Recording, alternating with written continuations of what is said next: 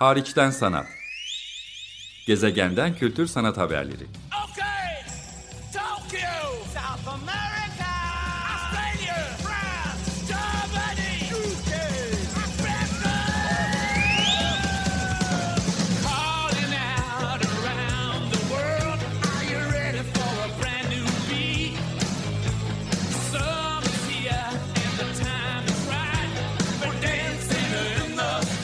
Hazırlayan ve sunan Çelenk Bafra. Merhaba, Açık Radyo'da Hariçten Sanat programındasınız. Ben programcınız Çelenk. Bugün size Fransa'nın Lyon kentinden bildiriyorum. Biennale de Lyon, e, güncel sanat bienali. Çünkü Lyon'un bir de dans bienali var. En az sanat bienali kadar ön planda. Aynı organizasyon tarafından yönetilen, yıllardır birbirini takiben devam eden bir yıl dans bienali, bir yıl görsel sanatlar alanındaki bienalin düzenlendiği bir kentten bahsediyoruz. Son derece hareketli bir kültür sanat alanı var. E, köklü bir bienal, Lyon Bienali. Bienallerin başkentler dışındaki daha ziyade kültürel nitelikleriyle ön planda olan kentlerde düzenlendiği dönemlerden alıyor kökünü. Örneğin Ankara yerine İstanbul, Paris yerine Lyon, Roma yerine Venedik gibi kentlerde düzenlenen ve kökleşen bienaller. Tıpkı biraz önce verdiğim örneklerde olduğu gibi aslında başkentlerdeki bienal girişimlerini, başarısız bienal girişimlerini devam etmeyen bir şekilde bienal girişimlerinin yerini dolduran, köklenen, saygınlaşan bienallerden biri. Nasıl ki Türkiye'de Ankara Bienali girişimi olduysa Fransa'da da gayet tahmin edebileceğiniz üzere bir Paris Bienali girişimi var. Dolayısıyla 1985'te aslında Paris Bienali kapanıyor. Ee, ve de Lyon Bienali, Lyon'un Güncel Sanat Müzesi tarafından geliştirilen bir proje olarak 1984'te ilk girişimlerine başladığından bu yana kesintisiz tabii ki pandemi bir yıl bir ertelemeye sebebiyet verdi. Ama genel olarak kabul edecek olursak kesintisiz olarak devam ediyor. Ta 1984'te ki ilk başlangıcında Lyon'un Museum of Contemporary Art, Lyon Güncel Sanat Müzesi'nin o zamanki direktörü Thierry Raspay'ın geliştirdiği bir proje bu. Ee, Thierry Raspay'la ben de uzun yıllar tanışma, birlikte çalışma fırsatı buldum. Bunun sebebi ta 1984'lere dayanmıyor. Çok uzun yıllar, herhalde neredeyse 30 yıl, belki daha da uzun, e, Lyon Bienalinin kurucu ve artistik direktörlüğünü üstlendi Raspay. Bu açıdan önemli bir figür. Aynı zamanda Güncel Sanat Müzesi'nin de direktörlüğünü eş zamanlı olarak üstlendi. Zaten böyle bir yapı var. Hali hazırdaki e, müzenin direktörü de yeni direktörü de Lyon Bienalinde direktörü oluyor aynı zamanda böyle bir e, ünvan var. Başlarda daha Ekim aylarında düzenlenen yıllık bir festival iken 1991 itibariyle güncel sanat bienali olarak kendisine yer buluyor. Lyon kenti tarafından desteklendiği kadar Kültür Bakanlığı tarafından da destekleniyor. Bunu şunun için vurguluyorum. E, Lyon'daki bienal yani Fransa'nın bienali çok büyük ölçekte kamu müzeleri, kent, dolayısıyla belediye ve aynı zamanda bölgesel yönetim ve merkezi yönetimin hepsinin birden desteklerini alan kamu kaynaklarıyla çok büyük ölçüde oluşturulan bir Bienal bunu vurgulamak lazım. Dolayısıyla örneğin 1991'de ilk başladığı zamanda yarı yarıya Lyon kenti ve Fransız Kültür Bakanlığı tarafından finanse ediliyor. Başka neredeyse dışarıdan hiç fon olmadığını söyleyelim. Bugün geldiği noktada elbette e, özel sektör yani sponsorluklara, fon veren vakıf ve kurum kuruluşlara, e, koleksiyonculara, galerilerine hatta sanatçıların e, destek arayışı içinde gitmek durumunda diğer bütün bienallerin hatta kültür sanat kurumlarının geldiği gibi ama Fransa'da büyük ölçekte hala kamu desteği devam ediyor. Çok önemli isimleri küratör olarak ağırlamış durumda. Ben de ilk kez 1996 yılında Lyon Biennaline civarda öğrenciyken e, gitmiştim. E, baktığınız zaman gastronomisiyle, tarihi mirasıyla, din turizmiyle, e, müzik, dans ve görsel sanatlar etkinlikleriyle ön planda bir kent Lyon. E, etrafında giderek gelişmekte olan başka yerler de var son dönemlerde. Daha önce hariçten sanatta gündeme getirdim ama Arles gibi, Marsilya gibi, Avignon gibi kentler yine etrafındaki e, eski Roma kalıntılarını da sahip olan tıpkı Lyon gibi kültür, sanat, tiyatro örneği, sahne sanatları, giderek müzecilik ve görsel sanat alanında ön plana çıkmakta olan ama Lyon ölçeğine yaklaşamayan daha küçük ölçekli kentler. Lyon ise bir büyük şehir elbette. Baktığınız zaman küratörleri hakikaten böyle bir sergiler tarihi ölçeğinde önemli isimler var. Harold Zeeman, küratörlerin küratörleri olarak anılan bir isim. Jean-Hubert Martin, Le Consortium, bir küratör ikili. İstanbul Bienalinde küratörlüğünü yapan, geçtiğimiz değil bir önceki İstanbul Bienalinin 7. kıta olarak küratörlüğünü yapan Fransız düşünür, ilişkisel estetiği, estetiğin de kurucularından olan Nicolas Bourriot ve Jérôme Sans ki bu ikili aynı zamanda Fransa'nın önde gelen deneysel risk almaya açık sanat kurumlarından olan Paris'teki Palais de Tokyo'yu da kuran yöneten isimler. Stephanie Moisson bu da çok önemli bir kadın küratördü. Hans Ulrich Obrist star küratörlerden ve yine 2007 İstanbul Bienalini yapar yapmaz 2008'de de Lyon Bienalini yapan Türkiye'den de çok sayıda ismi bu Bienale dahil eden Ho Hanru uzun yıllar Paris'te yaşamış çalışmış bir isim. E, günümüzde Roma'daki Maxi Müzesi'nin artistik direktörü.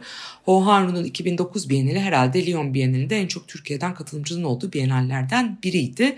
Ben de Fransa'da Türkiye mevsiminde de çalışıyordum. Ho Hanru'yla da İstanbul Bienalinde çalışan e, bir isim olarak oradaki isimlerden de sanatçılardan da Ali Kazma, Güneş Terkol, e, Güçlü Öztekin'in yer aldığı Hazavuzu, e, pek çok Biennale'de performanslarıyla ön plana çıkan bir müzik topluluğu olan ama görsel sanatlarda her zaman göz kırpan Babazula gibi isimleri çok yakından hatırlıyorum o Biennale'de. Bu isimlerin hepsi e, labiennaldelion.com web sitesinde daha fazlasıyla birlikte bilgi alınabilir elbette.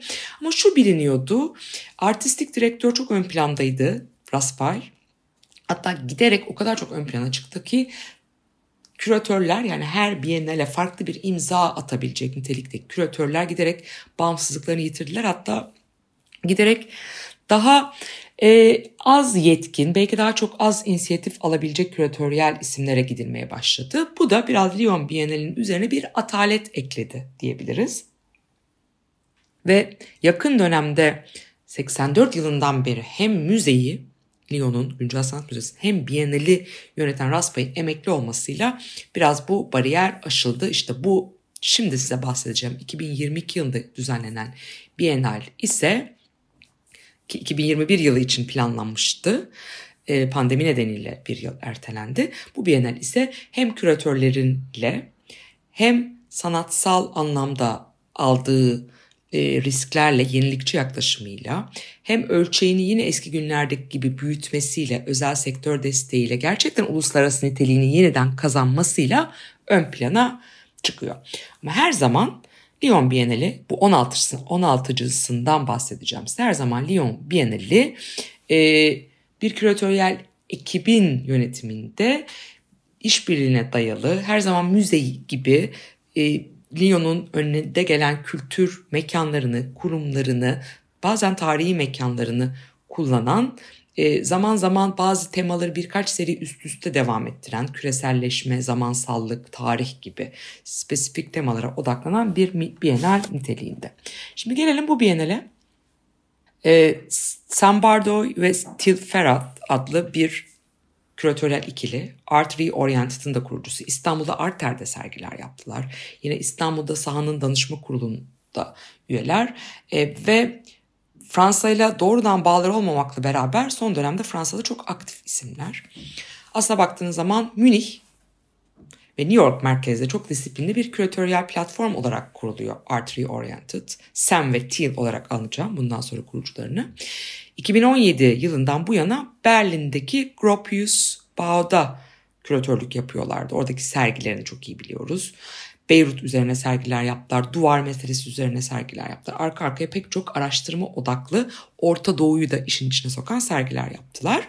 Ve buradaki başarıları da belki onlara 2022'nin başı itibariyle bu yılın başı itibariyle Berlin'in önde gelen ulusal müzelerinden Hamburger Bahnhof. Bunun direktörlüğünü getirdi. E, 2022'de aynı zamanda Lyon Bienalinin küratörlüğünü üstlenirken Venedik Bienali'nde Fransız pavyonunun da küratörü olarak yer aldılar. Bu Venedik Bienali'deki ilk ülke pavyonları da değildi aynı zamanda. Daha önce e, Suudi Arabistan pavyonunda küratörlüğünü yapmışlardı. Fransa'da da ilk sergileri değil, Paris'te Centre Pompidou gibi kurumlarda örneğin sergiler yaptılar. İstanbul'da Arter'de sergi yaptıklarını size daha önce gündeme getirdim. Ee, Orta Doğu'da çalışmaları var. Zaten içlerinden biri Lübnan kökenli bir isim. Dolayısıyla oraya bir gönül bağı da var. Üniversitelerde dersler veriyorlar. Uzak Doğu'da dahil olmak üzere. Kitaplar yayınlıyorlar. Ve son dönemlerin özellikle yükselen isimleri Venedik Bienalinde de dediğim gibi daha önce Lüb- Lübnan pavyonu ve Birleşik Arap Emirlikleri pavyonunun küratörünü yaptılar. Fransa pavyonunun öncesinde.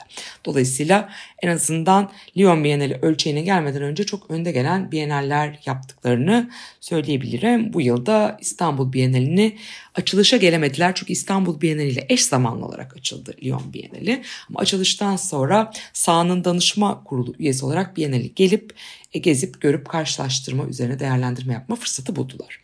İstanbul'a da sıklıkla gelen giden e, ve araştırma yapma fırsatı bulan isimler Türkiye'de yakın duran küratörler olarak 16. Lyon Bienali'ne Türkiye'den de sanatçılar davet ettiler. İlki Semiha Berksoy. Lyon Çağdaş Sanat Müzesi'nde Mac Lyon olarak anılır. Deminden beri anıyorum. Direktörü aynı zamanda Lyon Bienali'nin direktörüdür dedim. Mac Lyon Bienali, e, Mac Lyon Müzesi'nde bir grup sergisi oluşturdular.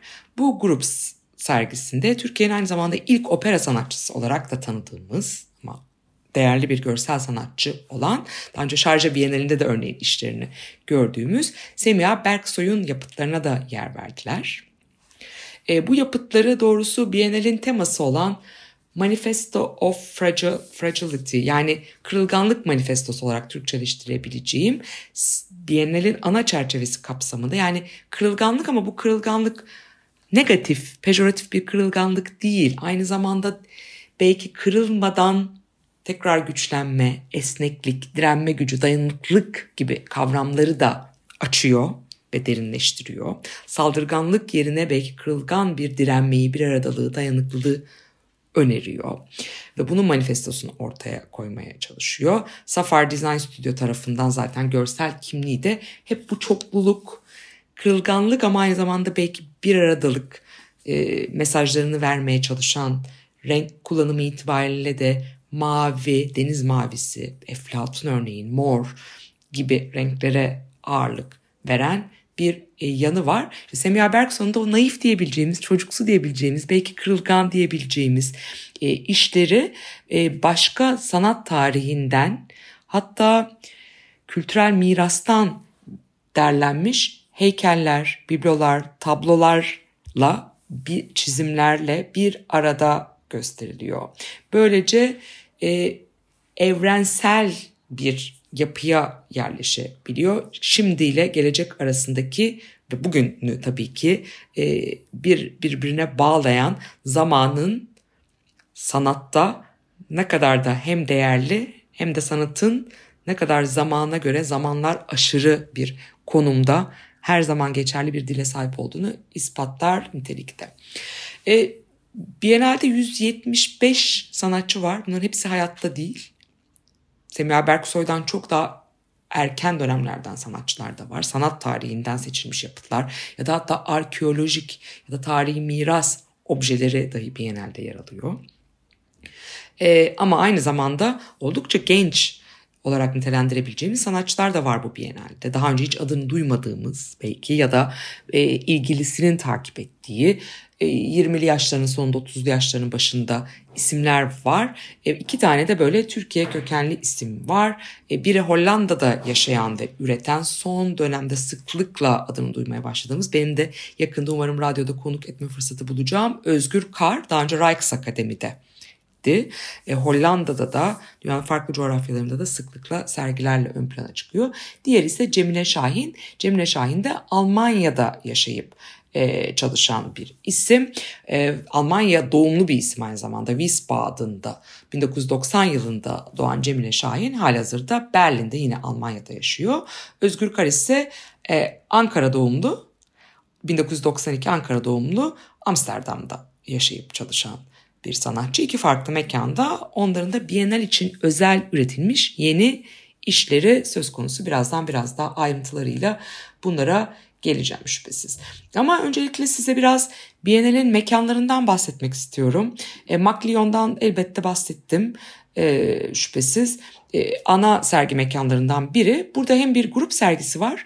Louis Brunet'in e, sayısız yaşamı ve ölümü başlıklı bir e, sergi kurgu bir karakter midir, tarihi bir figür müdür? Bu ikisi arasındaki e, algıyı muğlaklaştıran gerçek tarihi objelerle sanatçıların ortaya koyduğu kurguları aynı zamanda sergi tasarımıyla bir araya getiren seçki biraz e, tuhaflıklar kabilelerine de benzeyen yapıları var. Çok enteresan bir sergi tasarımı var. Üçüncü katta bu sergi varken Macleon'un birinci ve ikinci katında küratörlerin yani Sam ve Till'in daha önce hayata geçirdiği Almanya'da da sergilenmiş olan ve kitabını da Lyon Biennial'in ana kitaplarından biri olarak yayınlamış oldukları Beyrut ve Beyrut'un altın 60'lı yılları 1960'ları başlıklı iki kata yayılan bir sergi var. 1975'teki sivil e, pardon e, iç savaşa kadar e, uzanan bir döneme bakıyor 1958'den ve 34 farklı sanatçıdan 230 iş ve yüzlerce tarihi belge sadece görsel sanatlar değil sinema, edebiyat, düşün hayatı gibi pek çok e, alanı da e, tabii ki o alandan işlere de yer veriyor. Onun dışında Lyon büyük bir kent İçinden iki nehrin geçtiği Roma kalıntılarının olduğu aynı zamanda tabii ki Fransa'nın her zaman önde gelen Katolik merkezlerinden biri olan bir kent. Buradaki tarihi yapıları da kullanıyor ve kentin farklı noktalarında hakikaten mesafelerin biraz açık olduğu 12 farklı mekana yayılıyor. Her bir mekanda da o mekanın tarihine, konumuna, mimarisine, işlevine uygun olarak e, Kırılganlık Manifestosu'nun sergileri yerleşmiş durumda.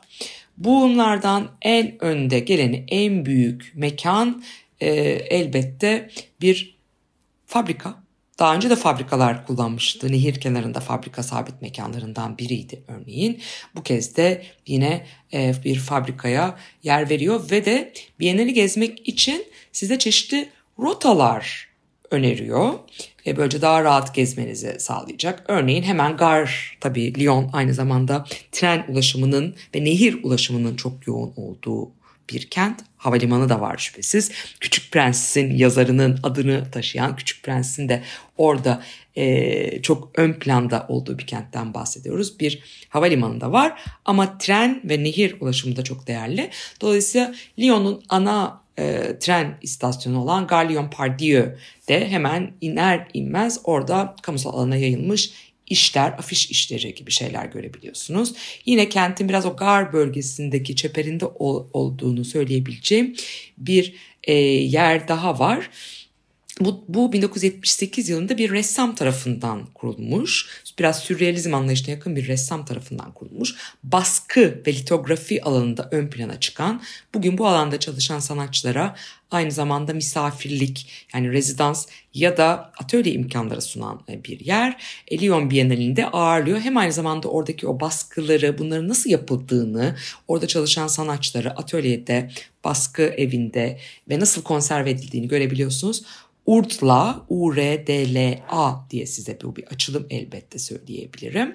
E, Villurben tarafında ve işte Özgür Karın animasyon işleri de bu mekandaydı gözden kaçabilir diye özellikle vurguluyorum. Çok kanallı animasyon işi vardı. Yine her zamanki gibi böyle hafif e, rock metal estetiğinden de e, yararlanan kuru kafaların, iskeletlerin olduğu, onların anime edildiği, siyah beyaz rengin yoğun kullanıldığı, e, müzik alanında konserlerden bildiğiniz o case dediğimiz müzik enstrümanlarının taşındığı kasa, metal kasaların içinde ya da üstünde sergilenen işler vardı. Örneğin Death with the Little Bell yani ölüm adını taşıyor. Küçük e, çanıyla ölüm ya da Death with Clarinet Klarnetli Ölüm adlı 2021 yapımı iki farklı animasyon, sesli animasyon ve yerleştirmesiyle Biennale'de yer alıyordu. Bu açıdan ön e, plandaydı. Villeurbanne'deki e, sergi mekanında bunu hemen e, belirtmek lazım. Başka tabii ki rotalar da var. Bu sadece tren garından indiğiniz zaman biraz çeperde kalan bir rota olduğu için vurguladım. En önemli şey Fagor. Yakında da kapanacakmış. Fagor fabrikaları kullanılmıştı koskocaman bir kompleksten bahsediyoruz. Daha önce de kültür sanat etkinliklerine, festivallere ev sahipliği yapmış. 4,5 hektarlık bir alana yayılan 1980'lerin e, tabii ki önde gelen fabrikalarından biri ama 2000 yılından e, beri de kapalı e, yavaş yavaş altıl kalıyor, bırakılıyor vesaire. Bundan sonrasında da 2023 itibariyle de dönüştürülecek başka kullanımlar amacıyla yeniden işlevlendirilmesi bekleniyor. Ama Lyon aynı zamanda bir endüstri kenti. İşte bu endüstri kentinin de mirasına, endüstriyel tarihine göz kırpan bir yer. Aynı zamanda da Bienal ölçeğinde büyük enstelasyonların e, yer alabileceği ölçekte büyük, nötr bir yer. Çok da iyi bir sergi tasarımcısıyla çalışmışlar. İşlerin ağırlığı burada. Zaten Lyon'a çok az vakit ayırabileceksiniz. Fagor e, fabrikalarına gidip orayı gördüğünüz zaman, orayı bitirdiğiniz zaman yarım gün neredeyse ayırmak gerekebilir. Biennale büyük ölçekte e, görüp ana fikrini anlamış oluyorsunuz. Biraz önce bahsettiğim sanatçılardan Cemile Şahin'in de işi burada. Lyon Bienali'nin özel sipariş ettiği bir işle e, galerisinden de destek alınmış Esther Schipper gibi önde gelen galerilerden biriyle çalışıyor ve Orta Doğu'da yıllardır devam etmekte olan su meselesine de odaklanan bir yanı var. Türkiye ile Suriye arasında 900 kilometre neredeyse uzunluğuna yayanan ve dünyanın en uzun üçüncü duvarı olarak kabul edilen bir e, duvardan e, yola çekiyor. Yola çıkıyor. Bu duvarların koruma, bölme, ayırma e, ve tabii ki onun üzerinden hukuk dışı karşıya geçme e, gibi bütün e, alanlara bakarken aynı zamanda su ve ekoloji meselesine de yaklaşıyor. Manzaranın nasıl dönüştürüldüğünü, ideolojinin bunu nasıl dönüştürdüğüne bakmaya çalışan petrol konusuna aynı zamanda yani yeraltı kaynaklarının kullanımı bunların alanındaki tartışmalar gibi şeylere de bakmaya çalışan bir iş yapıyor. Video, ses, heykel, şişme bir balon gibi bir yapının üstünden seyrediyorsunuz. Duvar yazıları gibi bir multimedya enstelasyon olduğunu söyleyelim ve Fagor fabrikasının en önde gelen mekanlardan biri olduğunun altını çizelim. Ben programcınız Çelenk, Hariçten Sanat programında size 31 Aralık 2022 tarihine kadar devam etmekte olan Fransa'nın Lyon kentinde 16.sı düzenlenen Lyon Bienalinden, Çağdaş Sanat Bienalinden bahsediyorum. Ee, bunun tarihçesinden de bahsettim. Birkaç öne çıkan mekandan daha bahsetmek istiyorum. Herhalde en öne çıkan mekan özellikle sanat çevrelerinin konuştuğu mekan e, uzun yıllardır atıl kalmış olan bir başka müzeydi. Gime Müzesi. Bugün Paris'e taşınmış. Özel koleksiyoncu olan Gime'nin aynı zamanda tabii ki Fransa'nın kolonyalist geçmişine de atfen Afrika masklarından e, Kuze, Kuzey Afrika'daki e, folklorik unsurlara, e, Ar Nouveau örneklerinden günümüz sanatına kadar neredeyse yaklaşan çok eklektik koleksiyonda yer verdiği bir müze. Bugün artık Paris'i merkez alıyor ama Lyon'daki müze Gime uzun süredir atıl kalmış. İşte bu müzenin Emil Gime ki bir o da bir endüstri zengini zaten öyle diyeyim öyle bir girişimci ve özellikle uzak doğuya da çok meraklı bir isim. Ee, onun kurduğu müzede eski müze koleksiyonlarının etiketleri, arşivi, konservasyon depoları aynen korularak, sergileme üniteleri, kaydeleri aynen korunarak müthiş atmosferik bir sergi ortaya çıkartmayı başarmış Sam Betty. Onları buradan kutluyorum kutluyorum. Benim de Çelenk Bafra Instagram sayfasında Lübnan kökenli sanatçıların işlerine yer verdiğim büyük ölçekli yaklaşık 5,5 dakikalık animasyon filmde Lübnan İç Savaşı'ndan günümüzde devam etmekte olan bütün savaşlara referans veren bunu siyah beyaz bir animasyon ve müthiş bir müzikle başaran bir işe e, yer verdiğini buradan söyleyelim. E, Lübnanlı bir üçlü yani çizer, e, animatör ve aynı zamanda ses alanında çalışan farklı isimlerin işbirliği yaptığı bir isim. Müze Gime en başarılı lokasyonuydu. E, daha önce pastaneden tiyatroya pek çok farklı amaçlarla kullanılmaya çalışan bir müzenin hakikaten 16. Lyon Bienalinde direniş, terk edilmiş bir müzenin, düşüşte olan belki dekadansta olan bir müzenin kırılganlığı, bütün kırılganlığıyla aynı zamanda ne kadar e, direnişe, dayanışmaya, savaş eleştirisine örneğin e, barışa göz kırpabileceğine e, iyi bir örnekti. Bunun dışında öne çıkan e, başka müzeler de var elbette ve aynı zamanda açık alanlar var. Örneğin Lyon'un yani Güncel Sanat Müzesi'nin dışındaki bahçe bir heykel bahçesiydi.